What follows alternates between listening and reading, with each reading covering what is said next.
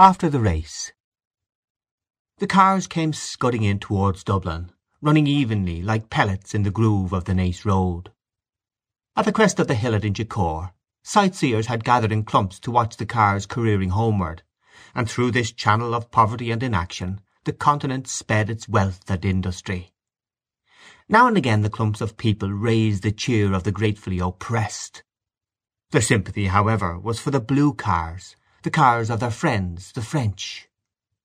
The French, moreover, were virtual victors. Their team had finished solidly. They had been placed second and third, and the driver of the winning German car was reported a Belgian. Each blue car, therefore, received a double measure of welcome as it topped the crest of the hill, and each cheer of welcome was acknowledged with smiles and nods by those in the car. In one of these trimly built cars was a party of four young men whose spirits seemed to be at present well above the level of successful Gallicism. In fact, these four young men were almost hilarious. They were Charles Segouin, the owner of the car, André Riviere, a young electrician of Canadian birth, a huge Hungarian named Villona, and a neatly groomed young man named Doyle. Segouin was in good humour because he had unexpectedly received some orders in advance. He was about to start a motor establishment in Paris.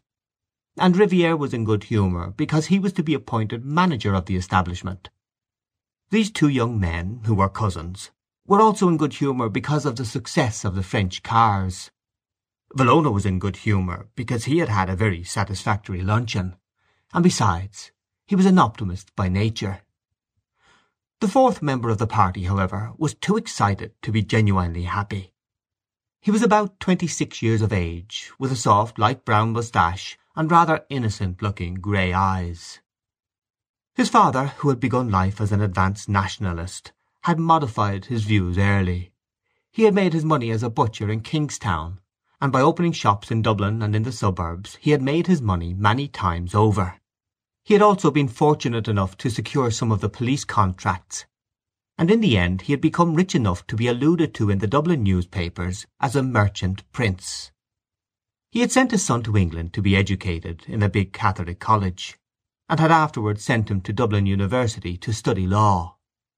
Jimmy did not study very earnestly, and took to bad courses for a while. He had money, and he was popular, and he divided his time curiously between musical and motoring circles. Then he had been sent for a term to Cambridge to see a little life. His father, remonstrative but covertly proud of the excess, had paid his bills and brought him home. It was at Cambridge that he had met Segouin. They were not much more than acquaintances as yet, but Jimmy found great pleasure in the society of one who had seen so much of the world and was reputed to own some of the biggest hotels in France. Such a person, as his father agreed, was well worth knowing, even if he had not been the charming companion he was. Villona was entertaining also, a brilliant pianist, but unfortunately very poor. The car ran on merrily with its cargo of hilarious youth. The two cousins sat on the front seat. Jimmy and his Hungarian friend sat behind. Decidedly Villona was in excellent spirits. He kept up a deep bass hum of melody for miles of the road. The Frenchmen flung their laughter and light words over their shoulders, and often Jimmy had to strain forward to catch the quick phrase. This was not altogether pleasant for him, as he had nearly always to make a deft guess at the meaning, and shout back a suitable answer in the face of a high wind. Besides, Villona's humming would confuse anybody, the noise of the car, too. Rapid motion through space elates one. So does notoriety. So does the possession of money. These were three good reasons for Jimmy's excitement. He had been seen by many of his friends that day in the company of these Continentals. At the control, Segouin had presented him to one of the French competitors, and in answer to his confused murmur of compliment, the swarthy face of the driver had disclosed a line of shining white teeth.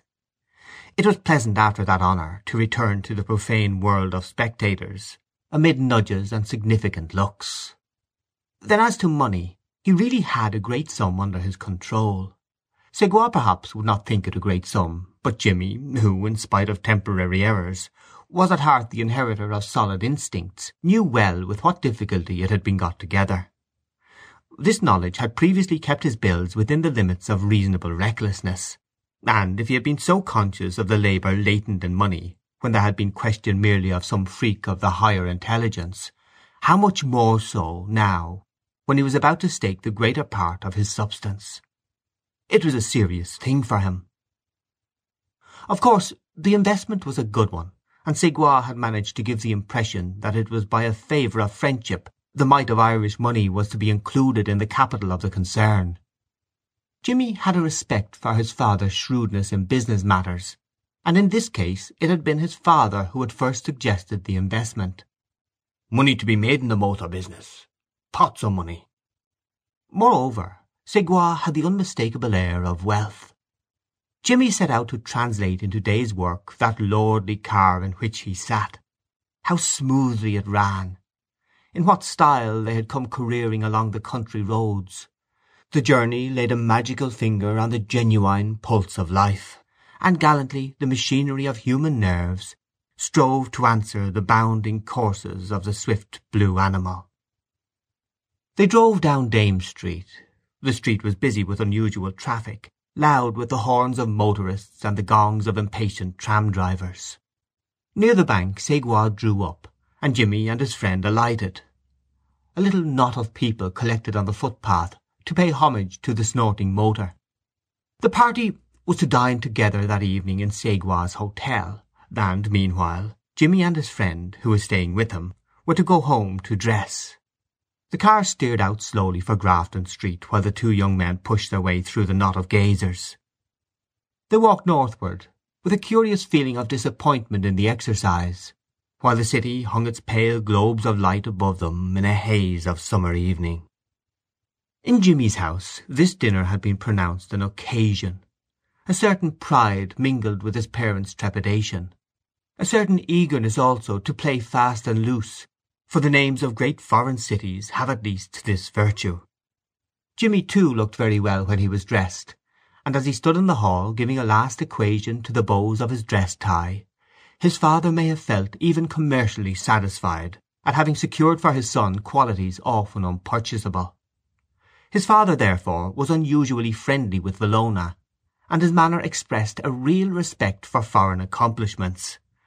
But this subtlety of his host was probably lost upon the Hungarian, who was beginning to have a sharp desire for his dinner. The dinner was excellent, exquisite.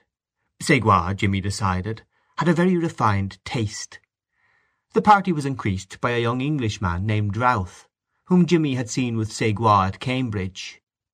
The young men supped in a snug room lit by electric candle lamps. They talked volubly and with little reserve. Jimmy, whose imagination was kindling, conceived the lively youth of the Frenchmen twined elegantly upon the firm framework of the Englishman's manner. A graceful image of his, he thought, and a just one. He admired the dexterity with which their host directed the conversation. The five young men had various tastes, and their tongues had been loosened. Villona, with immense respect, began to discover to the mildly surprised Englishman the beauties of the English madrigal, deploring the loss of old instruments. Riviere, not wholly ingenuously, undertook to explain to Jimmy the triumph of the French mechanicians. The resonant voice of the Hungarian was about to prevail in ridicule of the spurious lutes of the romantic painters, when Segouin shepherded his party into politics. Here was congenial ground for all. Jimmy, under generous influences, felt the buried zeal of his father wake to life within him. He aroused the torpid Routh at last. The room grew doubly hot, and Segouin's task grew harder each moment. There was even danger of personal spite. The alert host at an opportunity lifted his glass to humanity, and, when the toast had been drunk, he threw open a window significantly. That night the city wore the mask of a capital. The five young men strolled along Stephen's Green in a faint cloud of aromatic smoke. They talked loudly and gaily, and their cloaks dangled from their shoulders. The people made way for them. At the corner of Grafton Street a short, fat man was putting two handsome ladies on a car in charge of another fat man. The car drove off, and the short fat man caught sight of the party. "André!" "It's Farley!" A torrent of talk followed. Farley was an American. No one knew very well what the talk was about. Villona and Riviere were the noisiest, but all the men were excited. They got up on a car, squeezing themselves together amid much laughter. They drove by the crowd, blended now into soft colours, to a music of merry bells. They took the train at Westland Row, and in a few seconds, as it seemed to Jimmy, they were walking out of Kingstown station. The ticket collector saluted Jimmy. He was an old man. "Fine night, sir." It was a serene summer night. The harbour lay like a darkened mirror at their feet. They proceeded towards it with linked arms, singing Cadet Roussel in chorus, stamping their feet at every "Ho ho ho hey vraiment." They got into a rowboat at the slip and made out for the American's yacht. There was to be supper, music, cards. Villona said with conviction, "It is delightful." There was a yacht piano in the cabin. Villona played a waltz for Farley and Riviere, Farley acting as cavalier and Riviere as lady. Then an impromptu square dance, the men devising original figures. What merriment! Jimmy took his part with a will. This was seeing life at least. Then Farley got out of breath and cried, "Stop!" A man brought in a light supper, and the young men sat down to it for form's sake. They drank, however. It was Bohemian. They drank Ireland, England, France, Hungary, the United States of America. Jimmy made a speech, a long speech, Villona saying, "Hear, hear," whenever there was a pause. There was a great clapping of hands when he sat down. It must have been a good speech. Farley clapped him on the back and laughed loudly. What jovial fellows! What good company they were! Cards, cards. The table was cleared. Villona returned quietly to his piano, and played voluntaries for them. The other men played game after game, flinging themselves boldly into the adventure. They drank the health of the Queen of Hearts and of the Queen of Diamonds. Jimmy felt obscurely the lack of an audience. The wit was flashing. Play ran very high, and paper began to pass. Jimmy did not know exactly who was winning, but he knew that he was losing.